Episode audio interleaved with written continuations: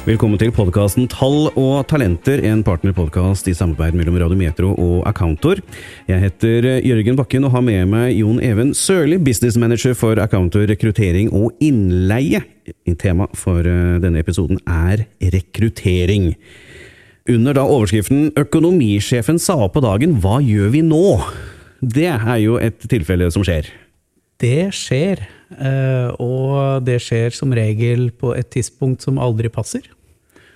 Ja, det gjør det vel ikke? Nei, det er sjelden sånn at det passer at uh, nøkkelpersoner uh, i organisasjonen din plutselig finner ut at de skal gjøre noe annet.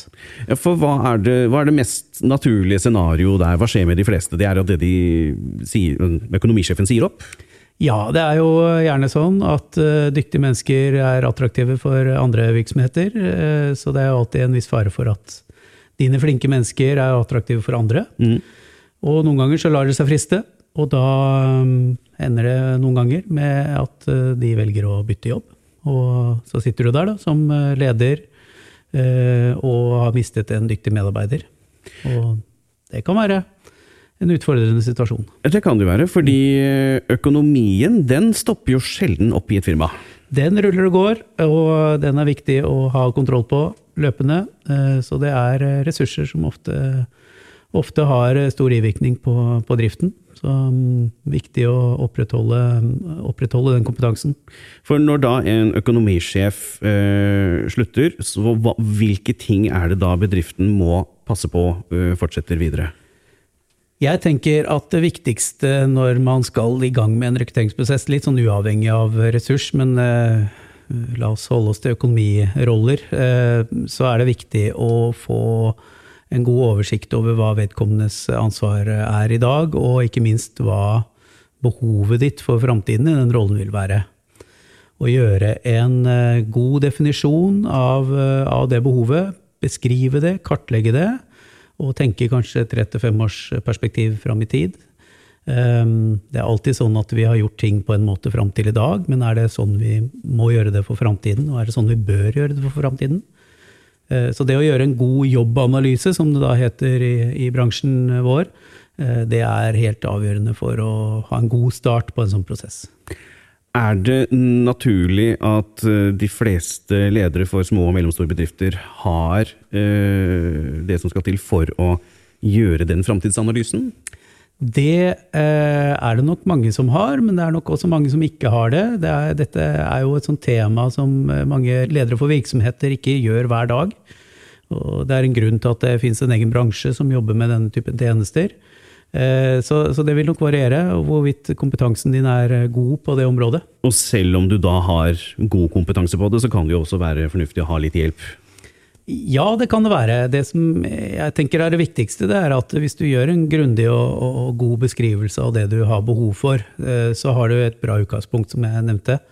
Og så kan det jo hende at du jobber i en virksomhet som har en egen HR-avdeling. De har gjerne kompetanse på denne typen temaer.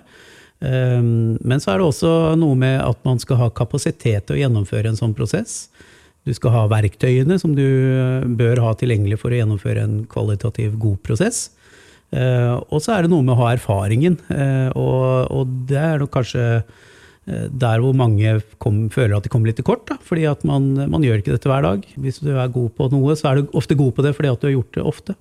Hvordan kan du være sikker på at du rekrutterer riktig person til jobben? Ehm, jeg tenker at eh, har man gjort en god analyse, god beskrivelse av hva man ønsker, så må man sørge for eh, å gjøre en vurdering om du har behov for hjelp til det. Hvis du finner ut at du har behov for hjelp til en sånn prosess, så, så bør du sikre at den som skal hjelpe deg, ha kompetansen, erfaringen et, i forhold til, til, eh, den typen kompetanse du leter etter. Og I tillegg til det så tenker jeg at uh, hvis du vurderer det dit hen at du trenger, behov for, eller, trenger hjelp, trenger bistand, uh, for det kan være med å øke prosessen, tempoet i prosessen, det kan øke kvaliteten i, i, i utvelgelsen din, så kan du i større grad fokusere på det som er din jobb, om det er å styre virksomheten, eller om det er å styre økonomiavdelingen, eller hva det nå er. Sørge for at de som har kompetansen og har ekspertisen, gjennomfører sin jobb, og, og du gjennomfører din jobb. Det blir ofte et godt resultat. Hva er sannsynligheten for å treffe riktig på første forsøk uh, hvis du ikke har kyndig hjelp? Um, du kan ha flaks. Ja. Uh, folk vinner i Lotto. Uh, så, men jeg tenker at det å drive rekruttering, det handler veldig mye om å prøve å redusere risikoen for å ikke ta feil. Eh, og vi kan nok ikke ha som ambisjon å redusere den eh, maksimalt, eller 100% altså være 100% trygg på at vi tar riktig, men, men, vi kan gjøre en god del grep for å være sikrere på valget vårt. Sørge for at vi skaffer oss et godt beslutningsunderlag når vi skal ta beslutningen om hvem det er vi skal ansette. Om det er mm. kandidat A eller B eller C. Um, og for å gjøre det, så, så, er det jo da foretatt mye forskning på dette området. Og, og det å ta i bruk eh, eh, verktøy som, som, forskningen underbygger virker, det kan være lurt. Og Eksempler på det kan være eh, det å sørge for at du har en god jobbanalyse, sørge for at du har en, har en, eh, en, eh, en fornuftig tilnærming til å attrahere de kandidatene. Og det kan gjerne være gjennom annonsering på ulike nettsteder eller sosiale medier eller andre kanaler. Det fins mange, mange muligheter i dag. Eller å gjøre det gjennom headhunting, som, som kanskje blir mer og mer vanlig. I Norge i dag så har vi ganske lav arbeidsledighet, og mange av de dyktige kandidatene de sitter i jobber i dag og er ikke nødvendigvis aktivt ute og leter etter en ny jobb. Nei, fordi det som da kanskje har tatt din økonomisjef vekk fra deg, det må da du gjøre nå mot en annen økonomisjef? Ja, det kan, eh, det kan, være en fornuftig tilnærming. Kommer litt an på hva slags kompetanse du leter etter. Noen kompetanseområder er det knapphet på, andre er det kanskje større tilgang på. Men det er en vurdering som er lurt å gjøre, og, og gjerne gjøre sammen med en rådgiver. Hva er det konkrete kostnadsbildet for å rekruttere en ny, en ny person inn i bedriften? Det er et uh, komplisert regnestykke. Uh, det er jo noen kostnader uh, knytta til si, Skal du annonsere, så har det noen, noen priser. Skal du, skal du, engasjere et rekrutteringsbyrå, så koster det noe. Men det som kanskje kan være vanskelig å definere, er jo den tiden du selv og dine kollegaer eventuelt bruker på denne prosessen. Og det er en viktig prosess, og det er kanskje viktig og fornuftig å, å, å, å gjøre denne investeringen og bruke de kostnadene. Men det som er poenget her, er jo at du må prøve å, treffe den rette kandidaten for den oppgaven som skal fylles. Og det å sikre det, det, det tenker jeg kanskje er det, det viktigste å, å, ha en refleksjon rundt. Mm. Fordi det kan jo potensielt være at uh, dette blir dyrt hvis man da har rekruttert feil person? Ja, det finnes mange internasjonale studier i hvert fall på, på hvor mye sånt kan koste. Og, og igjen vanskelig å, å, estimere veldig sånn presist, men, men, det er mange som sier at det koster fort en årslønn eller to på den rollen du, du ansetter til, eh, å feilansette. Eh, både i direkte påløpte kostnader, tap av effektivitet og produktivitet det eh, kan være mange ringvirkninger i organisasjonen som følge av at eh, man ikke har fått en nøkkelperson på plass. Eh, så én til to årslønner, i hvert fall, det tror jeg man kan fort og enkelt regne hjem i forhold til kostnad på feilansatte. Så det er lurt å være bevisst på, på det man gjør i den sammenhengen. Hva er konkrete tips på en god rekruttering? Sørg for at du har en, en grundig analyse, en jobbanalyse. Definer hva du leter etter.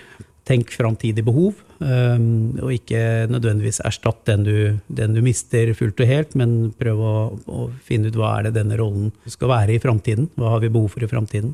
Sørge for at det gjennomføres av folk som har kompetanse på det.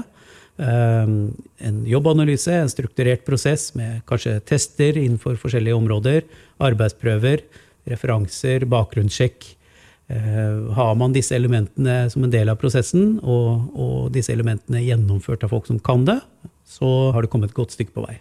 Hvis man da kommer i en situasjon hvor man ikke finner den rette vedkommende innenfor minnelig tid, har man da noen alternativer? Um, ja, altså det er jo eh, sånn at hvis du engasjerer noen til å hjelpe deg, så, så har jo de ofte et estimat på hvor lang tid de vil trenge for å, for å gjennomføre en prosess.